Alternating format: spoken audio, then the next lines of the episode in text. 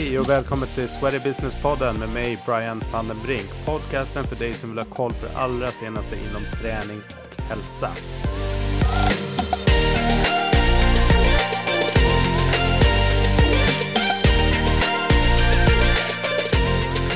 Ja men hej och välkomna tillbaks till Sweaty Business-podden. Med mig idag har jag en, eh, i mitt tycke, riktigt intressant eh, gäst som jag har fått förslag på som gäst faktiskt från lite olika håll. Och det är Jonas Olsson från eh, Sony Advagym. Välkommen! Tack Brian. Det var jättetrevligt att få den här inbjudan och det ska bli väldigt kul att få prata med dig. Ja, härligt pratade ju här lite innan också att du är en lyssnare av eh, podden. Så att det eh, känns extra kul att bjuda in någon som, som brukar lyssna på podden till att eh, pick your brain. Absolut, ett digert känt sällskap man blir medlem i så att jag verkligen känner en ära att få prata här idag. Absolut. Mm.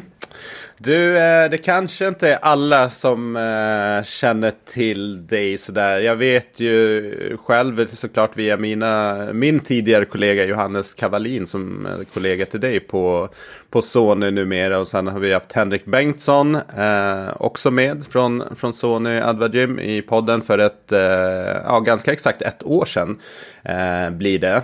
Eh, så att då var vi i början av, av pandemin. Men eh, lite kort, kort, kort om dig då, för den som inte har pejling.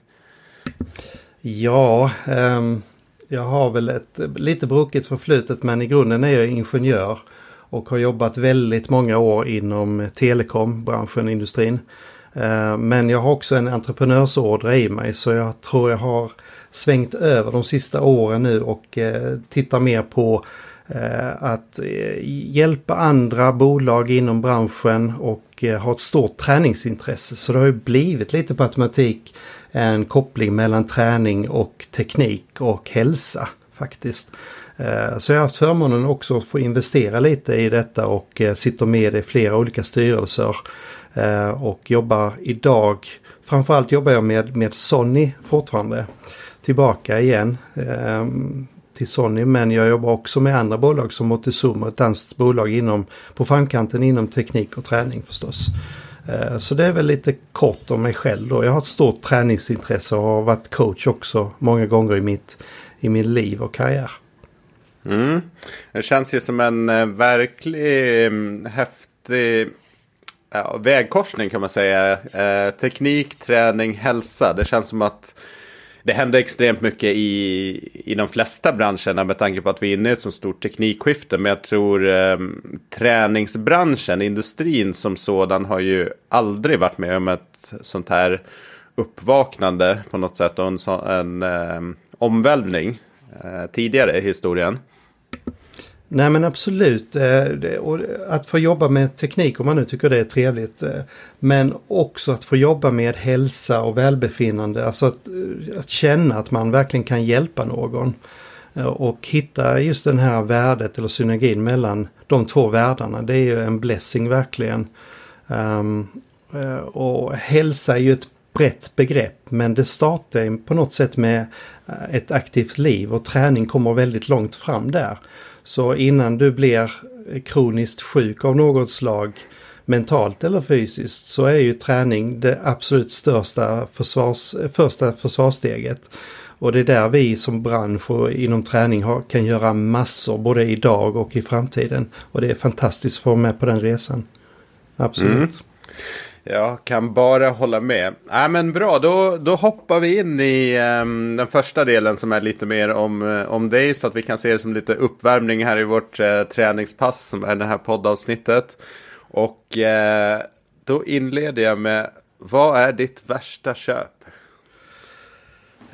mitt värsta köp, ja, det är nog att jag har vid något tillfälle köpt på mig träningsgrejer Eh, därför att jag har sett någon ha korta byxor eller någonting sånt komma hem och har inte testat det och så upptäcker man att det här kan jag inte använda. Och sen blir det liggande nya grejer med prislapparna kvar. Eh, då blir man lite sur men eh, ja. Annars kan jag nog inte komma på något värsta köp. Jag köper på mig techgrejer ibland som jag inte sen begriper varför jag köpte det. Eh, det är ren dumhet. Mm. känner igen mig. Du, eh, vad gör dig förbannad? Ja, det är enkelt. Eh, diskrim diskriminering i alla former. Eh, jag tycker att det, det förekommer idag och det kommer att förekomma i framtiden. Det är en del av mänskligheten. Eh, men jag står alltid upp mot det och jag tycker bland annat det här med eh, manligt och kvinnligt är en stor grej, i alla fall i Skandinavien idag. Där vi fortfarande har en lång väg kvar att gå. Eh, det finns ingenting som säger att den ena är bättre än den andra utan man ska bedöma människor utifrån deras kunskaper, ingenting annat. Men all form av diskriminering gör mig förbannad. Absolut. Yes. Om du skulle få obegränsat med resurser i form av pengar här då, till ett enda projekt eller ändamål, vad skulle det bli? Ja, det, det är en spännande fråga, men jag tror nog att jag skulle satsa på att försöka eh, se till att så många som möjligt i världen blir läskunniga. För jag tror att det är viktigt att man ger folk kunskapen. Eh, och får folk kunskap, läskunnighet är en av de viktigaste sakerna. Så hjälper man dem att själv hjälpa sig eh, själva. Och eh, ta sig ur eh, fattigdom och Eh, andra problem och blomstra som samhälle. Så utbildning är extremt viktigt. Eh, så kan jag göra någonting på den sidan så absolut. Send mindre mm. money. Jättebra. En app som du använder mycket? ja, SMHI faktiskt. jag tycker om att kolla vädret. Solen gör en glad och eh, en energisk. Så det tycker jag. Vilken eh, träningsform blir det allra helst om du får välja? Um, jag gillar det mesta men gruppträning tycker jag är, är jätteroligt. Um, cykling är en favorit idag. Jag kör jättemycket spinning. Uh, både lite landsväg och lite spinning. Så, och det är en träningsform där man verkligen kan ta ut sig till 120 procent om man nu vill det. Uh, så spinning är en favoritgren, absolut. Yes. Här gick det åt helsike. ja, eh, Eh, det, det, var faktiskt en händelse i jobbet. Det var för några år sedan eh, där jag var iväg med dåvarande chefen för tillbehör inom Sony. Eh, och vi skulle med ett flyg, vi var jättesena. Eh, han hade inga pengar, han var tvungen att betala taxin så jag gav honom lite valuta. Eh, och sen sågs vi inte mer för jag skulle med ett annat flyg men vi sågs i loungen där han kom springande högröd i ansiktet. Det visade sig att jag hade gett honom fel valuta så han kunde inte betala taxin. Eh, så det var väldigt rabalder men han med flyget och eh, han förlät mig med tiden. Men man måste kolla vilka valutor man ska betala med. Så det gick åt helsike. Ditt bästa tips eller knep för återhämtning? Uh, enkelt. Resorb och sömn. Uh, jag svettas och, och väldigt mycket själv också så måste, man måste dricka mycket. Vatten tycker jag är bra. Uh, och Resorb om man nu behöver återställa saltbalansen. Det ger mig bra återhämtning.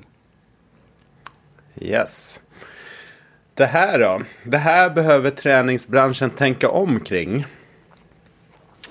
Ja, det finns nog flera svar på den frågan men jag tror nog, om jag ska vara lite utmanande och provocerande, så tror jag att man måste vara inkluderande. Ehm, jag tycker att eh, träning är en sak som kan demokratisera inte bara ett land utan ett helt samhälle.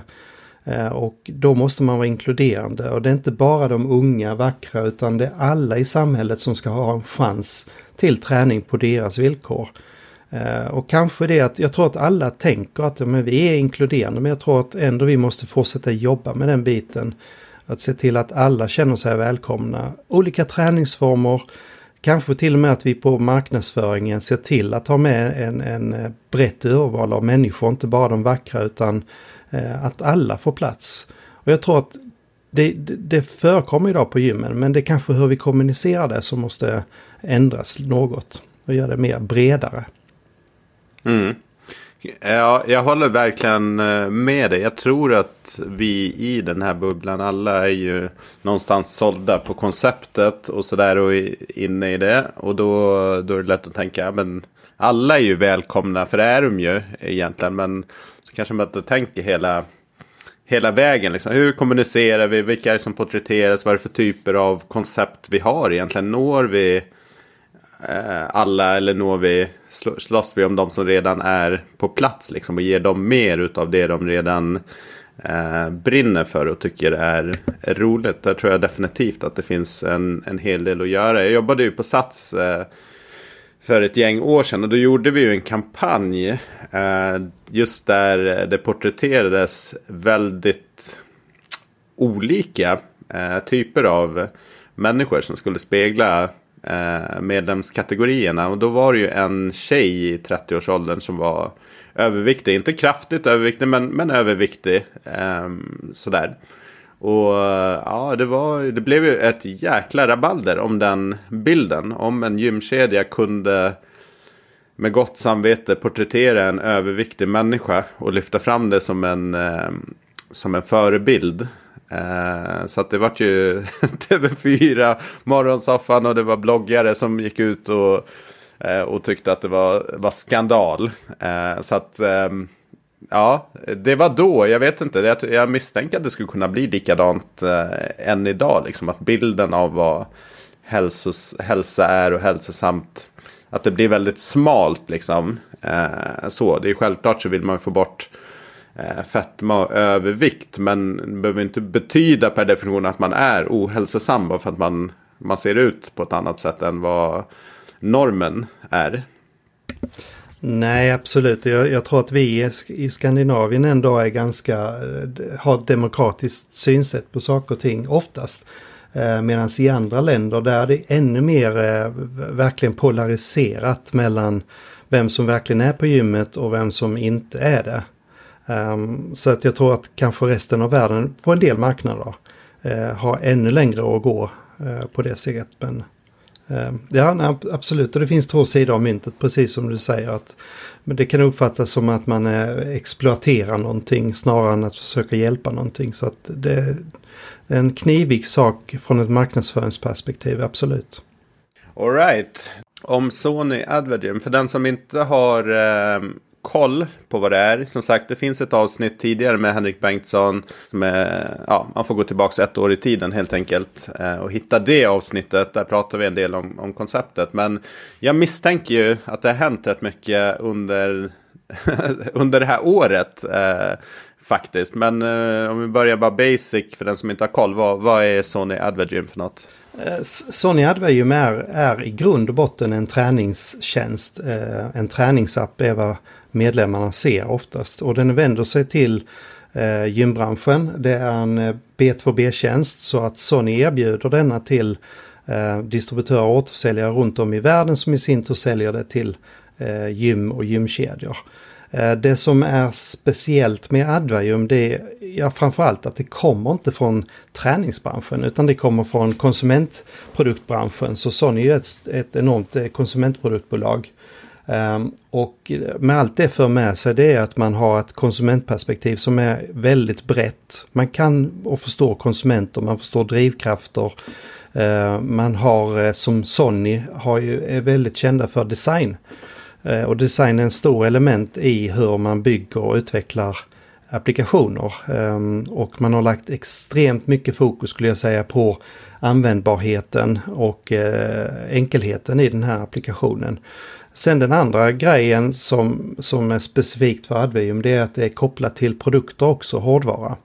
Eh, så det är inte bara en app som du laddar ner och tränar med utan det är också att du installerar hårdvara på gymmet som gör att du kan knyta ihop gymmets anläggning, maskiner, zoner med eh, appen och eh, då får du direkt som medlem möjligheten att träna på en anläggning och ta med dig datan hem och få med datan i appen och ta med den hem och du kan direkt se hur eh, bra eller eh, mindre bra den här träningen var för den maskinen, zonen och så vidare. Um, sen är det precis som alla andra appar, du, du får instruktioner, du får videos kanske. Um, du kan lägga upp program och övningar och sånt. Så den biten uh, har ju många stöd för.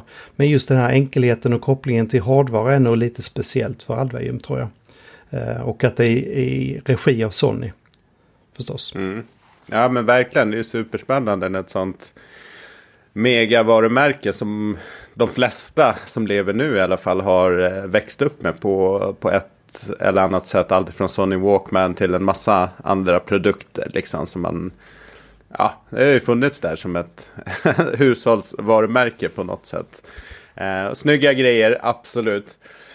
Um, under det här året då, eh, pandemin, jag har hängt med lite grann från sidan på, på Advergym såklart i och med att jag känner din, din kollega Johannes bra, vi pratar då och då, men, men också har ni, eh, har pandemi året gjort, ja nu är det ett och ett halvt år ish med pandemin, men har den här perioden gjort att ni har tänkt om eh, på någonting kring, kring tjänsten eller produkten?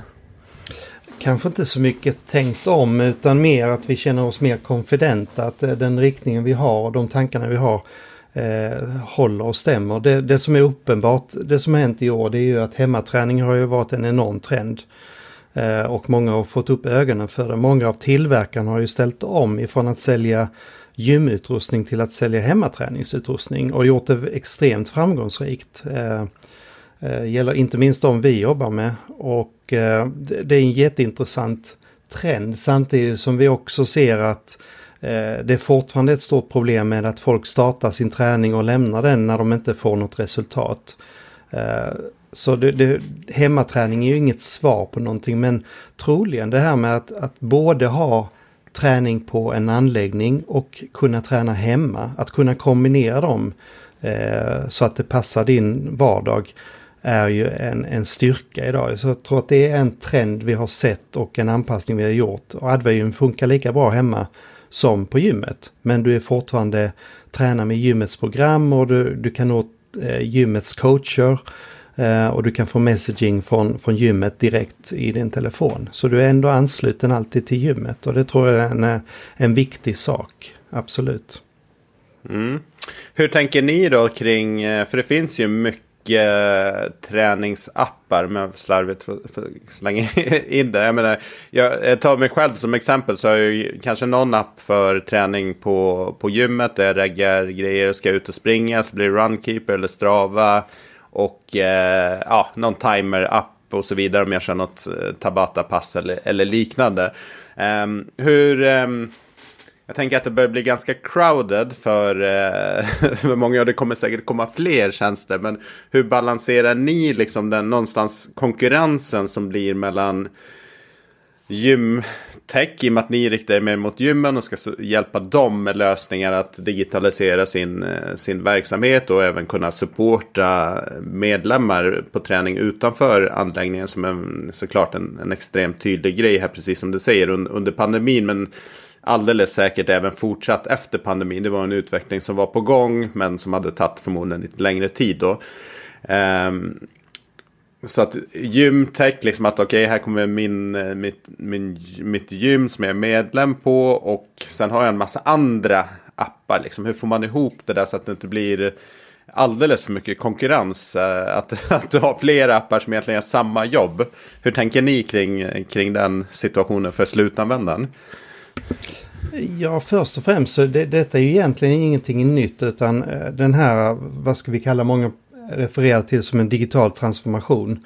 Att gå från en, en värld till en värld med teknik har ju skett tidigare i andra branscher. Det hände ju med, på telefon, eh, alla de stora telefonoperatörerna fick ju själva bita det sura äpplet för många år sedan. När de eh, försökte motverka att de skulle bli en, en bitpipe som man säger, att de bara skulle förmedla eh, kapacitet i nätet. De ville ju vara så mycket mer. Men till slut så, så förlorade man det slaget och insåg att okej okay, den här världen är någonting vi måste dela på. Det handlar inte om att en tjänst ska vinna över alla utan det handlar om att det finns ett ekosystem av möjligheter och tjänster tillgängligt för konsumenter som själva väljer vad de vill göra. Och det förhållningssättet måste vi ha här också tror jag. Så att att det, att det finns många appar, det är, det är så det är helt enkelt. Och eh, att en konsument ska kunna välja det man vill träna med, det är också en självklarhet. Men vill man vara stark i denna ekosystemet så gäller det att ha en öppenhet, att tillåta att data kan flyta mellan olika tjänster. Eh, att kunna importera, exportera, att kunna tillåta konsumenten att röra sig mellan olika träningsformer. Helst om det går i en app, men om inte det går så får man ju ha sin hit-timer sidan om någon annan app också. Och det som får en, en konsument till slut att stanna med en app, det tror jag det är att, att man känner att den investeringen man gör, den träning man lägger ner och den datan man sparar, att man kan eh, analysera och titta på den här datan och få något värde, någonting utav det på bästa sätt. Ehm, så det har vi lagt mycket fokus på, att du kan verkligen inte bara tracka din träning eh, utan också eh, se vad blir det för resultat av detta egentligen. Eh, det är extremt viktigt. Och sen som du sa, det finns jättemånga appar, det kommer dyka upp ännu fler. Ehm, Endomondo var stor en gång i tiden, har väl tappat väldigt mycket om, om, om de är kvar ens, höll på att säga, men det är de. Mm det kommer att gå saker och det kommer fortfarande vara så. Eh, och det finns mycket brus, mycket skräp också. Eh, man får helt enkelt testa sig fram. Eh, Sony står för kvalitet och vi försöker verkligen göra en bra produkt och vi rättar den och eh, lyssnar på användare. Så jag tror inte det finns en kommentar på Google Play eller App Store som vi inte svarar på. Eh, så det ser jag som en av våra starka kort idag, att vi verkligen lyssnar på och tar in feedback och utvecklar vår upplevelse utifrån vad användarna vill ha. Sen är det inte mm. alla man kan eh, eh, göra glada förstås, men vi försöker göra den, den stora massan glad. Nej, så är det ju.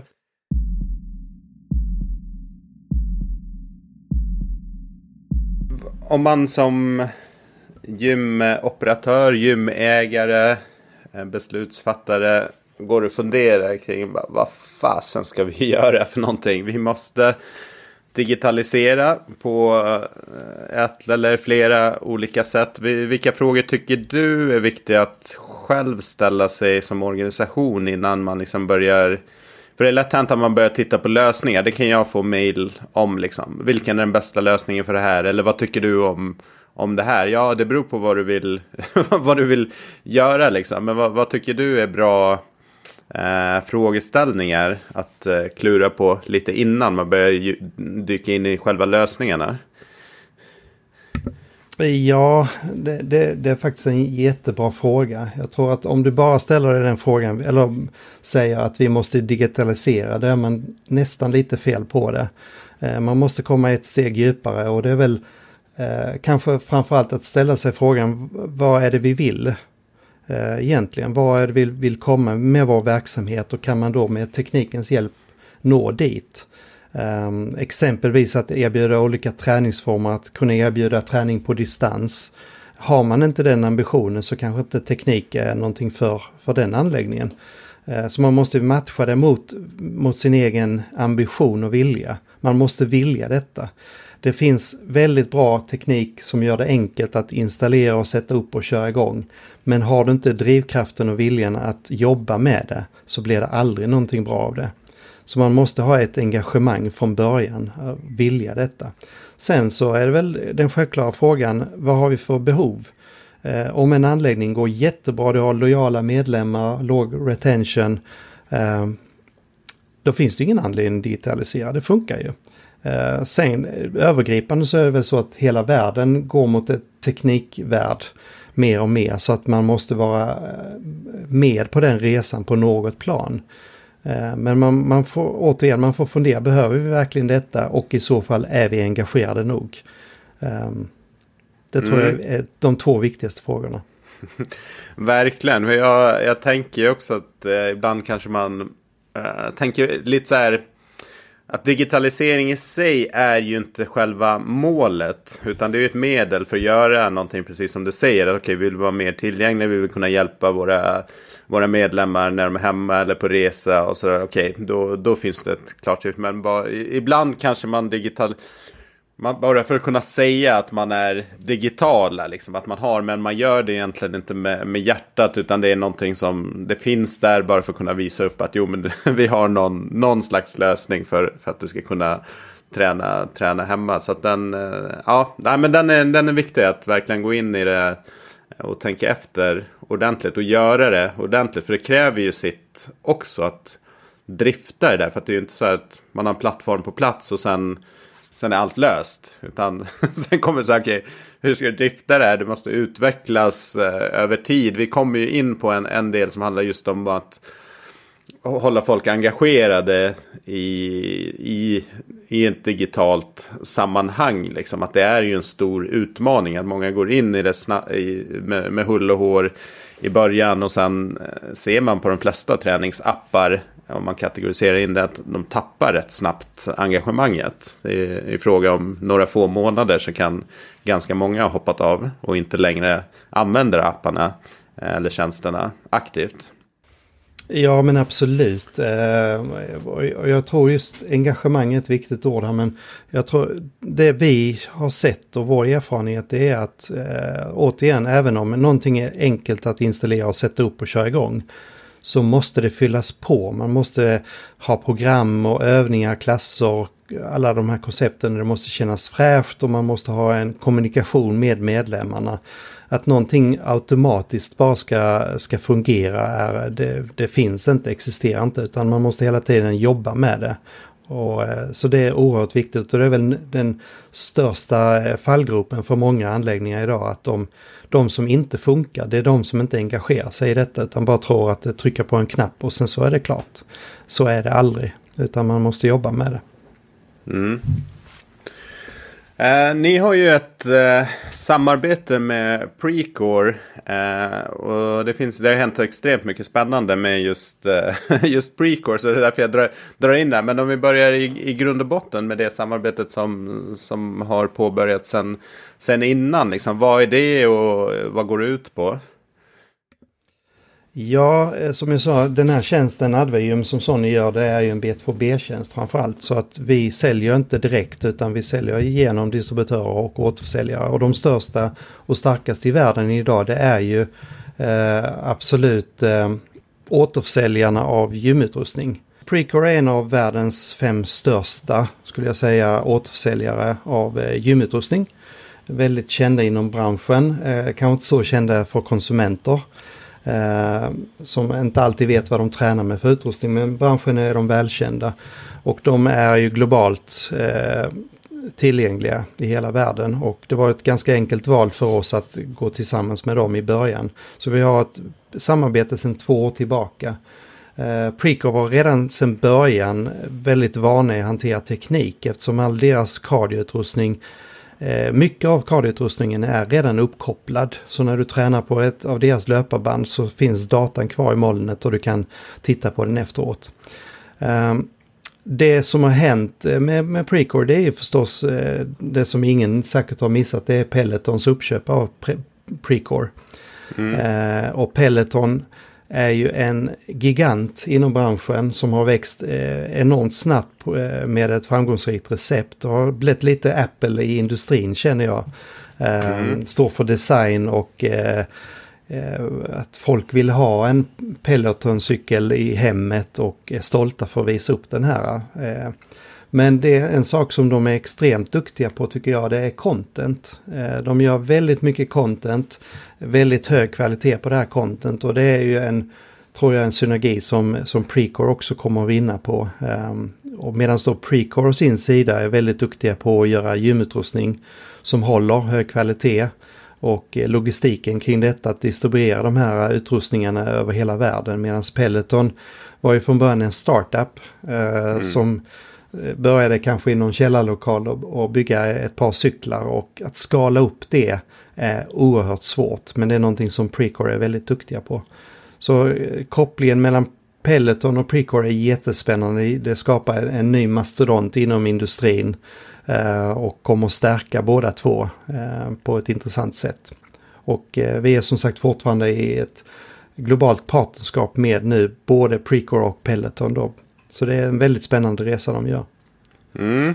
Ja, och inte minst så visar det här också hur snabbt saker och ting kan ske. Hade någon sagt för, ja, säg bara ett, ett och ett halvt eller två år sedan att Peloton skulle köpa upp Precore. Man hade nog tänkt att det skulle kunna bli en tvärtom-grej. Att ja, men det är klart att Precore skulle köpa Peloton. Att maktförhållandet är där. Men när, det går så himla fort och självklart hjälpt av pandemin. Men ingenting är givet eh, i, i dagens läge. Att det kan gå fort både åt det ena och det andra hållet.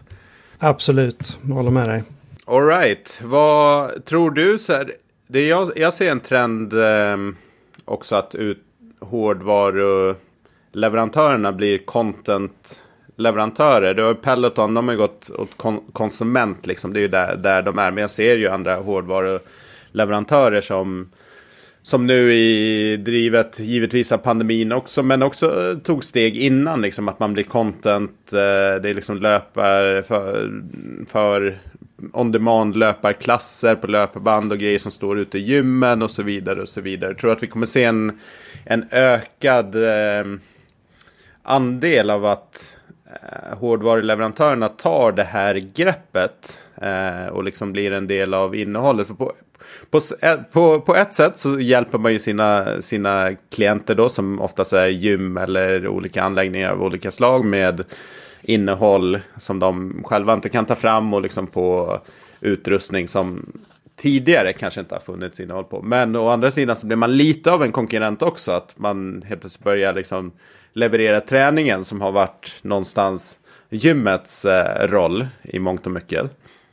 Ja, jag, jag, tycker det här är jättespännande. Jag, jag tror att eh, eh, content, content is king har man ju sagt i alla år. Och, eh, det, på något sätt, jag vill dra en parallell det här med både musik och filmindustrin där, där man har gått ifrån eh, att avveckla kassetter och LP-skivor till att det har blivit streamingtjänster och content har liksom seglat upp och blivit extremt eh, eh, viktigt verktyg och vi ser vad Spotify eh, deras styrka idag och Netflix och alla de här tjänsterna och allting bygger på content. Um, och det, den andra parallellen det är ju att man ser ju det att eh, vår tanke med Advim det är att som gym så kan du själv producera ditt eget content, använda din egen staff och eh, sätta upp program och klasser och övningar och sånt. Men man hinner inte. Eh, och man hinner inte i den omfattningen som, som eh, man skulle vilja. Någon behöver förse branschen med innehåll. Eh, på samma sätt som, som film och mu musik så vill man se nytt innehåll, fräscht innehåll, eh, träningsmusik. Det har vi alla år märkt att, att, när det gäller gruppträning så har musiken varit ett extremt viktigt inslag. Det är nästan mm. så att en coach idag är också en DJ. Eh, och man lyssnar väldigt mycket på det.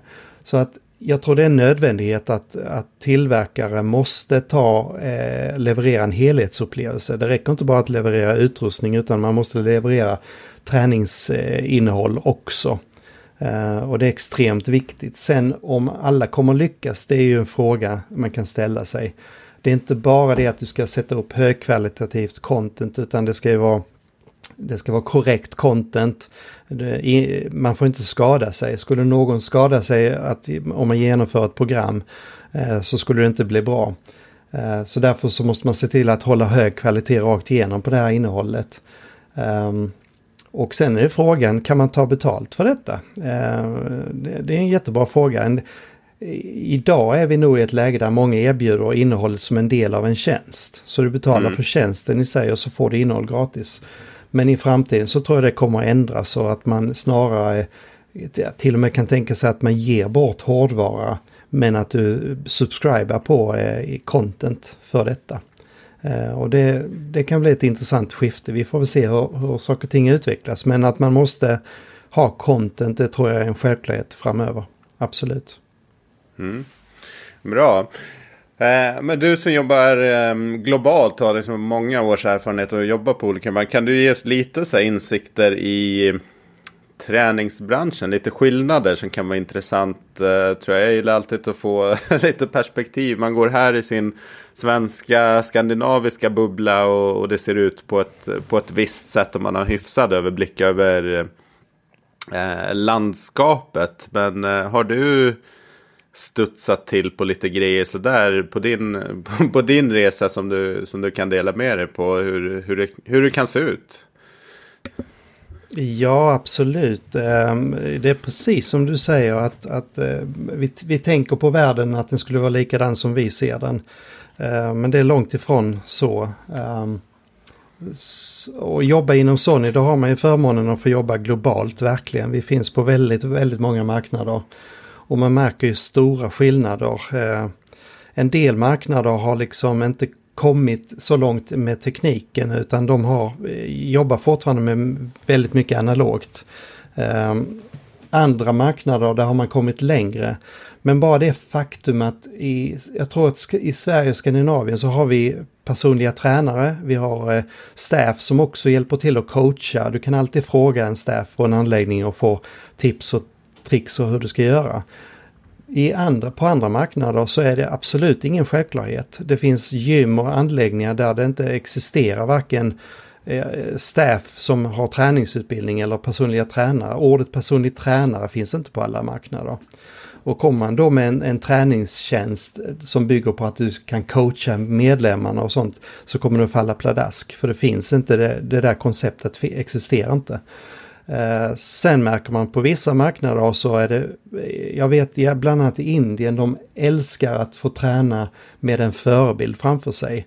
Eh, de vill, de vill höra rösten från kända personer, de vill göra som den där kända skådespelaren, de vill bli som Arnold Schwarzenegger och så vidare. Eh, och det, det, är en okänd sak för oss här i Sverige kanske på det sättet. Vi är ju lite mer eh, jantelagen här. Här, mm. här är vi alla lika värda. Eh, så att det skiljer väldigt mycket mellan olika marknader och man måste förstå de skillnaderna innan man kommer in med eh, en tjänst och ska erbjuda den. Eh, det finns ju gym idag där det är delat mellan män och kvinnor i många länder. Du, du, du får inte ens komma in på ett manligt gym i exempelvis i Mellanöstern i vissa, på vissa marknader. Så att och det är ju deras kultur. Och det är också någonting man måste ha respekt för att det, det, så här gör vi på denna marknaden, så här ser det ut idag. Och det är ingenting som, som eh, man ändrar över dagen heller, utan det är någonting man får anpassa och hitta eh, former för egentligen. Eh, samtidigt så får man också mycket inspiration. Eh, vi har ju universitet som kunder i USA bland annat. Mm. Eh, och de har väldigt mycket engagerad personal som eh, spelar in massor med videos, engagerande videos, klasser och så skickar de det till studenterna som då får lära sig och följa deras program och instruktioner. Det är en väldigt mycket personlig touch eh, och väldigt öppet och väldigt bra idéer faktiskt. Så mm. det skiljer och det berikar och det utmanar med olika marknader. Helt klart. Eh, en sägning eh Ja, det, det stämmer säkert. Jag tror utbildningsnivån i, i Skandinavien är, är hög tycker jag på de som jobbar inom, inom träningsbranschen. Det kan jag själv tycker jag när jag är på vissa branschmässor och så. Eh, att folk slänger sig med att de är personal trainers och sådär. Och sen ah, ser det lite sådär ut när man skrapar på ytan. Men vad skulle du säga, har du liksom någon, någon spaning internationellt ifrån vad du tycker att det händer spännande grejer eller som är väldigt innovativa som du, som du har imponerats av? Kan vara teknik eller själva träning i sig liksom. Ja, eh, jag ska säga både och. Både att vissa saker kan imponera och vissa är mindre imponerande. Och det är en, en stor trend som har hållit på ganska länge. Det är ju det här med att du ska kunna stå och träna framför någon form av skärm. Som mm. till och med kan filma dig. Så att man har lite augmented reality Eh, på det hela. Att man med hjälp av kamerateknik kan analysera eh, hur du tränar. Och det här med, med att stå framför en skärm är jättespännande. Eh, samtidigt så har vi nog lite, lite kvar att lära där men jag tycker det, det är en intressant teknik och i framtiden så kommer vi säkert ha väggar i våra hem och även på gymmet som är i princip en kamera och en skärm på samma gång. Eh, det kommer att bli, vara en självklarhet. Vi kommer att sitta här om 10-15 år och titta tillbaka och eh, prata, precis som vi pratade om tjock-tvn eh, en gång i tiden. Så, så, kommer det också ske förändringar där men eh, eh det, är, det är ganska dyra kostsam utrustning idag. Så att få ut den på en massmarknad är inte speciellt troligt. Eh, jag tycker det här med pandemin har visat att, att det finns möjlighet att bedriva många olika typer av träningsformer, både inomhus och utomhus. Ehm, och där tycker jag man ser, har sett en viss trend att utomhusträning har ökat jättemycket. Ehm, träningsformer för utomhusträning har ökat. Jag har sett det i USA, jag har sett det på andra marknader. Jag tror att i Sverige, du känner till Sverige-marknaden bättre än vad jag mm. gör.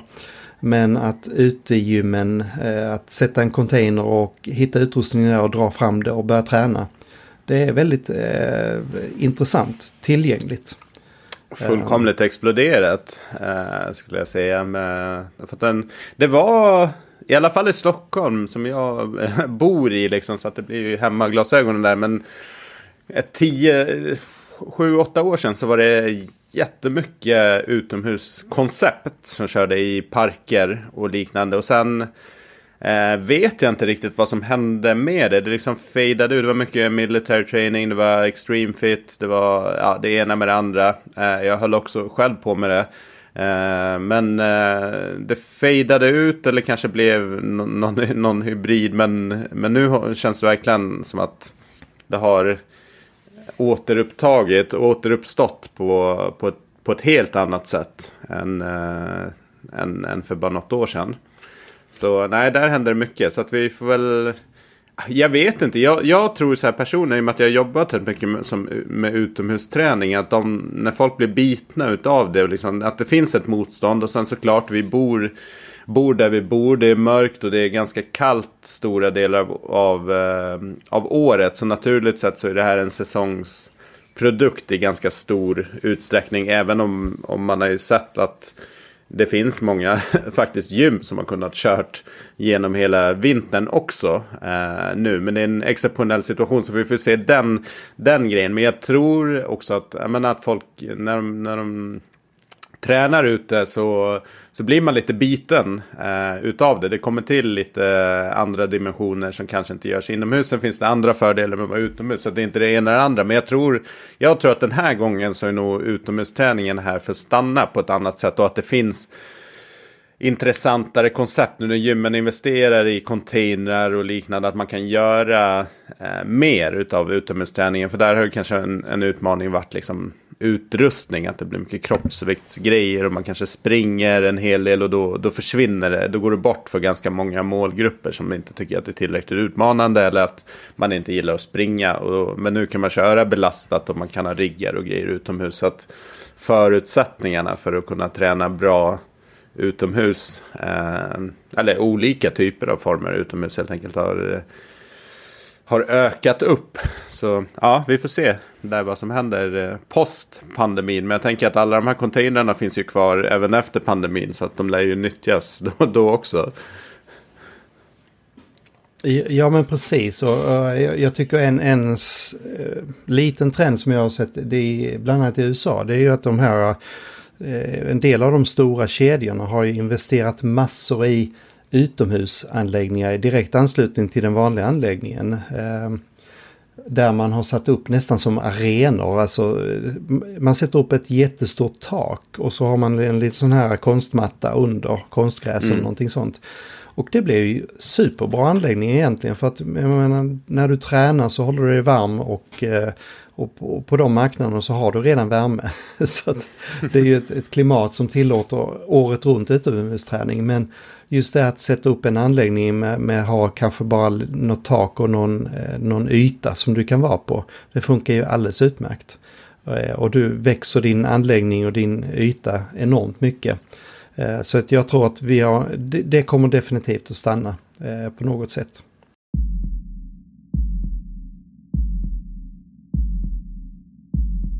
Ja men du har ju varit inne på eh, speglar och liksom olika liksom augmented reality utomhusträning. Är det något annat eh, skifte eller trend som du har sett här under, eh, under pandemin? Eh, som man kan skönja? Ja, absolut. Eh, det kanske inte har egentligen med pandemin att göra utan det kanske är mer en, en mognadssak att vi har, vi har sett en digital resa nu i de sista två åren, i alla fall i Skandinavien, kanske Eh, börjat ännu längre tillbaka. Men eh, det, det är att i, i begynnelsen så pratar väldigt mång, många om att eh, man skulle ha inbyggda grejer. Du hade viktträningsmaskiner med skärmar fast monterade, bultade till maskinen. Eh, de, de kunde mäta allt. Eh, allt ifrån hastighet till vikt och, och så vidare. Medans den här att du blir mer eh, losskopplad från den här utrustningen och du bygger mer utrustning för retrofit. Eh, det är någonting som, en resa som vi har gjort definitivt. Mm. Så vår utrustning fungerar för all typ av träningsmaskiner på marknaden idag. Så den är inte inbyggd utan den kompletterar du befintlig utrustning med och så får du en, en teknisk lösning till det, till det då. Men eh, och det är också ett skifte därifrån att bara kunna tracka eh, din träning till att även guida. Eh, och då menar jag att det är nästan, på ett sätt nästan viktigare att hjälpa gymmedlemmarna när de är på en anläggning. Vad, vad finns det på anläggningen? Eh, där kanske finns styrketräning, där finns eh, yoga, stretch, gruppträning, men där kanske också finns ett spa. Eh, och alla de här tjänsterna som gymmet står för och säljer, det är det mervärdet man erbjuder sina medlemmar. Men man glömmer ibland att tala om för medlemmarna vad är det som finns.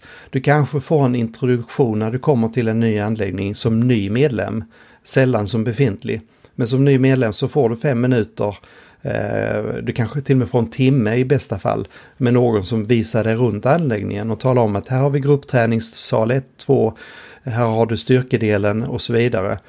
Eh, sen så finns det inte tid för att gå igenom utrustningen. Och eh, för många är det väldigt svårt att förstå. Eh, ska du gå fram till en, en maskin, hur ska den användas? Legpress brukar alla förstå. Men det, det, finns så många andra maskiner som man inte förstår hur man ska använda. Så det här behovet av guidance, att få hjälp, hela tiden vägledning hur gör du saker och ting? Vad finns det för tjänster? Till och med vilka öppettider? Eh, när är spaet öppet? Finns det kids service, alltså eh, ta hand om dina barn när du tränar?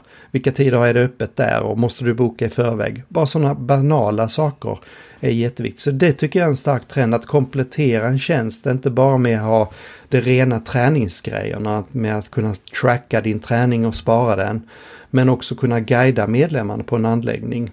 Eh, så det tycker jag har varit en, en stark eh, skifte. Eh, intressant och det är kanske inte det första du tänker på. För du, du är alltid efter, kan jag tracka, kan jag få coaching? Men att bara få hjälp och vägledning är också jätteviktigt.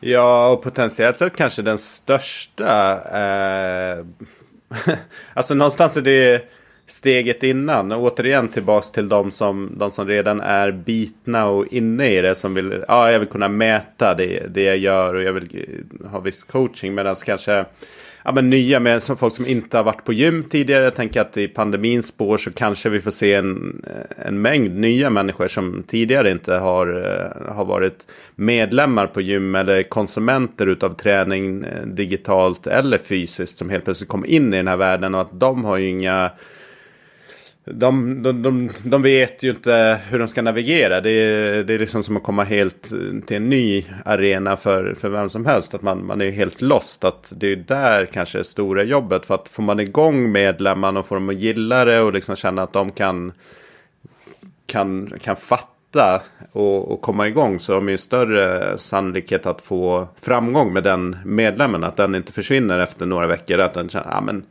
ja, nu, jag kan bara ruddmaskinen och nu har jag kört den tio gånger och nu är det bra liksom. Um, för det är ju, kollar man generellt på gymmet så tror jag att många tränar ungefär på samma grejer. De grejerna man kan. Det är ju det man... För ingen vill ju se ut som en idiot eh, när man är på anläggningen. Vare sig det är gruppträning eller styrketräning eller vad man, vad man nu är. Så det finns ju en barriär redan där. Att du är bland människor och folk tänker kanske mer än vad det faktiskt är. Att andra står och tittar på vad de håller på med. Men ändå, det, det är ju en sak som man behöver ta in consideration som sagt att eh, ja, det, det, finns nog en hemläxa att göra där. Att hur, hur blir vi mer inkluderande? Hur får vi igång människor? Hur sänker vi trösklarna? Att verkligen visa att jo, men alla är välkomna här och vi gör det hela vägen genom att man verkligen sätter sig in i kundens eh, eh, kundens glasögon. Hur, hur är det att komma hit till vår anläggning eller till vår kedja som helt liksom med helt liksom blankt papper. Ja, absolut. Och jag, jag, jag, tror just det att, att ta för givet. Vi tar nog oftast för givet att, att människor vet hur man använder utrustning och zoner och eh, vad finns det för saker tillgängligt. Men, men eh, man ska aldrig ta någonting för givet. Och särskilt nu när, när eh, en kanske också en trend det där med att gymmen måste bredda sig lite. Att bara, att bara ha styrketräning kanske inte räcker idag utan du måste ha Eh, du kanske har paddel eh, som en, en extra tjänst. Du har kanske en eh, anslutning till en simhall och så vidare. Man breddar sig. Och ju bredare du blir, ju mer tjänster du erbjuder, ju viktigare är det att tala om för alla medlemmarna vad finns det för tillgängliga tjänster på vår anläggning. Och det är ju en marknadsföring för dem också att verkligen lyfta upp det som man är stolt över och visa vad man har för någonting. Och förutom rent att se till att man tränar på ett säkert sätt och förstår hur man ska använda utrustningen. Så eh, ja, det är jätteviktigt. Mm. Du var ju inne på det här med Peloton och Apple. Just det. Nu är såklart Apple alltid det är ett bra exempel men också ett dåligt exempel. För de har, de har en unik position. Men ändå man kan lära sig mycket av hur de, alltså skulle man få, det, jag som är Apple-biten då, då, men i alla fall det är, det är enkelt att komma igång med grejerna. Liksom. Hade man fått en telefon och det var jättekomplicerat att, att starta upp den och få den att funka, eller min klocka till exempel, ja men då är det rätt många som också kanske inte hade nyttjat den. Men ens det här, de guidar dig ända tills telefonuslingen faktiskt är igång och du kan använda den. Eh, det finns liksom någon slags coach eller liksom en väldigt tydlig väg fram till att telefonen är operativ. Och där, där tänker jag att det finns mycket att, att lära också. Att okej, okay, hur den här medlemsresan som som alla faktiskt pratar om. Men jag vet inte i praktiken hur utstuderad och genomtänkt den faktiskt är. Jag tror att tyvärr att många faller emellan och kanske inte kommer in på den här medlemsresan. Särskilt som en trend i gymbranschen har varit väldigt mycket som att dra ner på bemanning. Eh, generellt sett man ligger ganska, man är antingen helt eh, obemannat i princip eller delvis. Eh, obemannat. Och då blir det ju ännu viktigare, okej okay, hur kan man ta hjälp av tekniken här för att göra det jobbet som en människa skulle kunna gjort. Men ändå så här, om alla medlemmar hade varit på gymmen så hade ändå inte människorna räckt till i personalen. Eh, om alla hade fått en timmas intro och sådär så hade det tagit ganska lång tid i januari, februari innan alla nya medlemmar där hade fått sin, sin intro. Så det är också så här ren så här en fysisk omöjlighet. Och där finns ju tekniken som en stor möjliggörare att faktiskt göra en stor del av det jobbet som egentligen inte alltid faktiskt behövs en människa till. Ja absolut, eh, jag håller med 100% i det du säger att teknik kan inte ersätta människor men teknik kan avlasta. Eh, och kan man automatisera delar av, av det som tar tid eh, delar av introduktionsprocessen kan man definitivt automatisera och se till att staff, den, den lilla personalen som finns kvar, gör det som kanske är det viktigaste. Det är att då och då prata med medlemmar om de nu finns på plats. Sen så tycker jag inte man ska förväxla att dra ner på staff behöver inte betyda att du drar ner på just den här mänskliga kontakten. Ehm, utan den är jätteviktig. Ehm, och kan du inte träffas face to face så måste du i alla fall man måste anstränga sig, hålla någon form av kontakt och tala om att jag ser dig. Jag ser dig som medlem och jag hör dig. Ehm, du kan nå dem via messaging, du kan nå dem via eh, konferenssamtal och så vidare. Så att, att dra ner på staff, det, det är självklart, det måste man göra, vi måste se till ekonomi. Men använd teknik för att automatisera och lägg staff och resurser på att engagera sig socialt med medlemmarna. Det tycker jag är det viktigaste. Mm.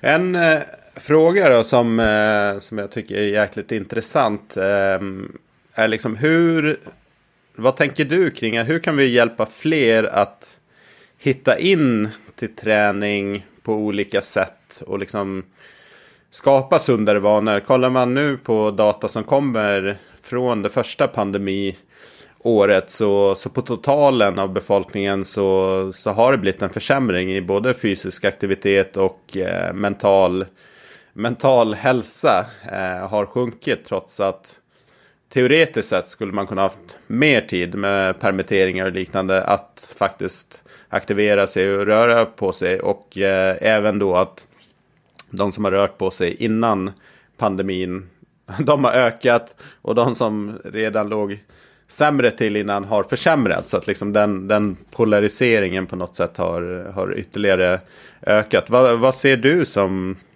från ditt perspektiv som nycklar för att få fler in i det här? Uh, ja, hade man, hade man kunnat svara på den frågan så hade man kunnat bli miljonär tror jag. Det är en oerhört svår fråga men jag tror bestämt att man måste eh, se, se det utifrån eh, per, människans perspektiv. Alltså de som ligger på sofflocket idag och möta dem på deras planhalva. Eh, jag har sett exempel i, återigen de här universiteten i USA är ganska inspirerande. De är ganska nya och fräscha idéer men de har eh, ut och går med studenter. Mm. Så man sätter upp en, eh, att vi träffas i den parken klockan två och sen så träffar man då 10-15 stycken och bara går.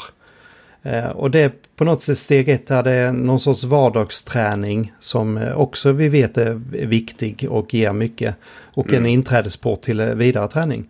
Men att, att börja enkelt, att kanske erbjuda de här träningsformerna, ut och gå och ut och cykla, lågintensiv träning kanske och nå de här grupperna. Sen tror jag det är just det här sociala sammanhanget att bedriva träning i gruppform är intressant för många och att kan man få in dem i en någon form av bootcamp på något sätt. Inte där man ska stå och uh, köra hitträning stenhårt utan att man kör mer vardagsträning. Uh, mm. Kan vara ett sätt att nå de här. Men det är en oerhört svår fråga och en svår grupp att, att uh, få in i träning och i en ny livsstil. Ehm, eh, och jag, jag, tycker om, jag tittar mycket på eh, vetenskapliga artiklar kring detta och jag vet att i England så har man väldigt långt fram kring detta och försöker hitta just det där vardagsträningen.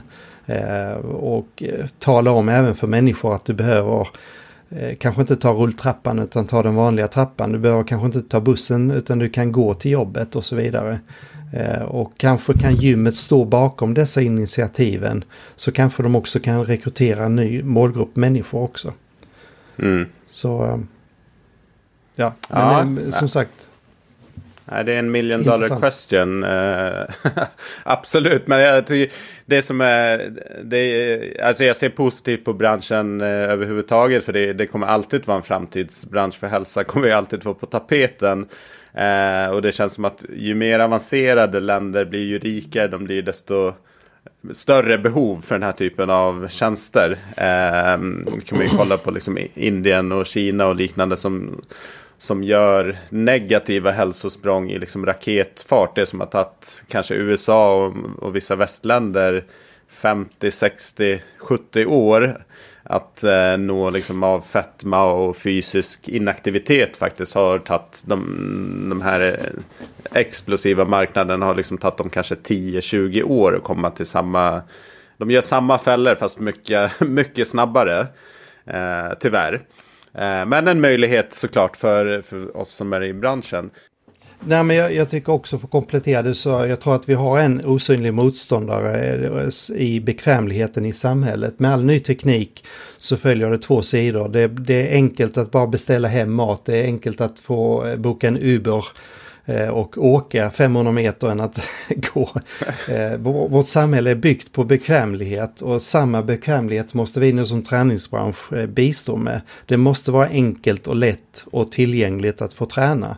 Och vi måste ju möta vårt samhälle som bara bygger på den här den dagen en drönare levererar allting du behöver så behöver du inte längre gå ifrån hemmet. Och det är ju en mm. fara i det också. Så vi är vår ja. värsta fiende själva på något sätt i samhället. Ja. ja vi är för smarta för vårt eget eh, ja. bästa. Nej, men liksom de här elskotrarna som finns överallt här i, i stan till exempel. Och just de här små promenader. Det, det, det är problemet de inom citattecken gör. Det problemet de ska lösa.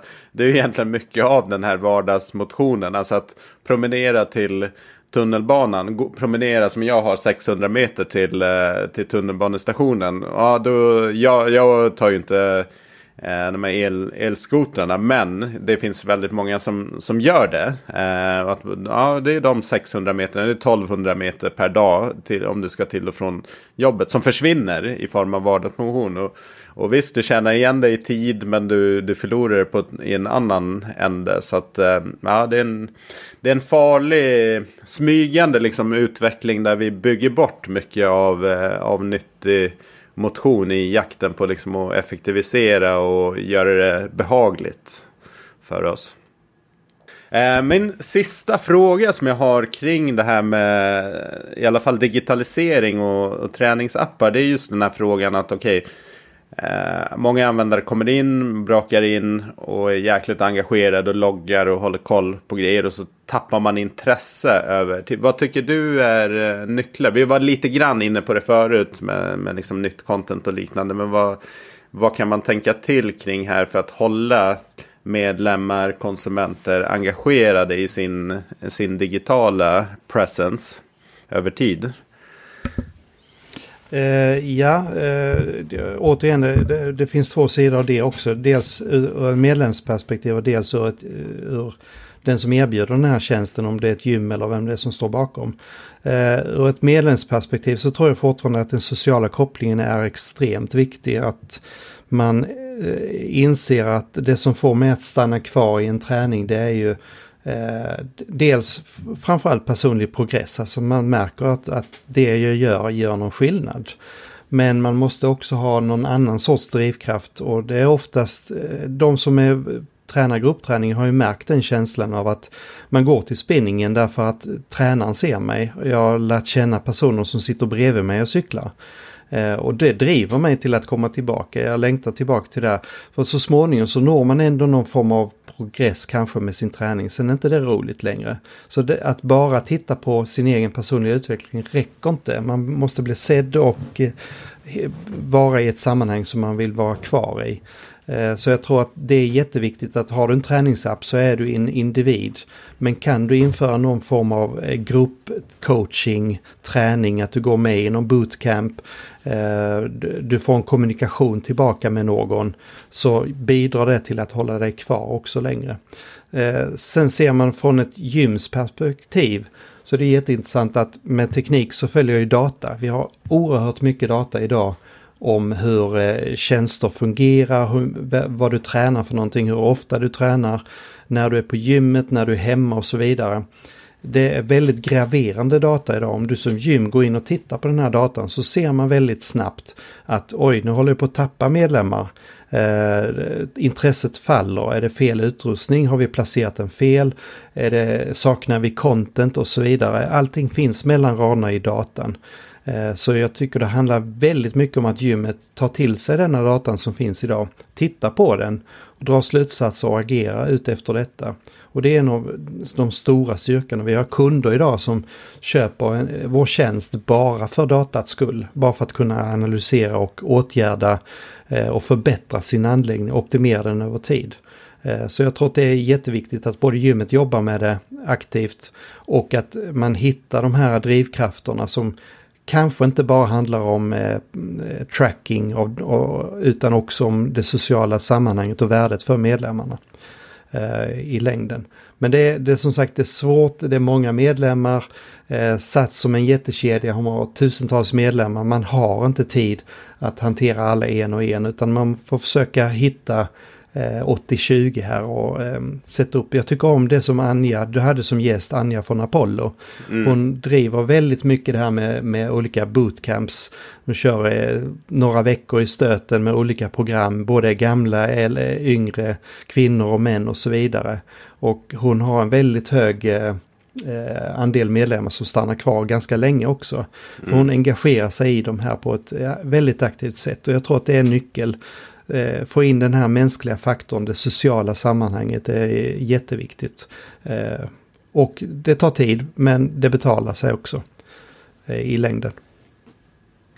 Härligt! Ja, men det blir jättebra tips och slutord för eh, den här podden Jonas. Ehm, jag kommer länka in till eh, Advagym kanaler, webb och sociala kanaler om man vill eh, veta mer. Eh, sådär. Om man vill komma i kontakt med dig, vad är enklaste vägen? Jag, man kan skicka ett mail till mig eller man kan kolla på LinkedIn, det är nästan enklaste. Så mm. äh, använder du LinkedIn så leta efter Jonas Olsson Sonny så kommer du hitta mig direkt. Toppen. Du, då har jag bara en sista fråga. Din favoritlåt att eh, träna till eller pepplåt sådär allmänt. Det är vissa som säger att de inte tränar till musik. Så att, eh, ja, någon låt som får dig glad helt enkelt.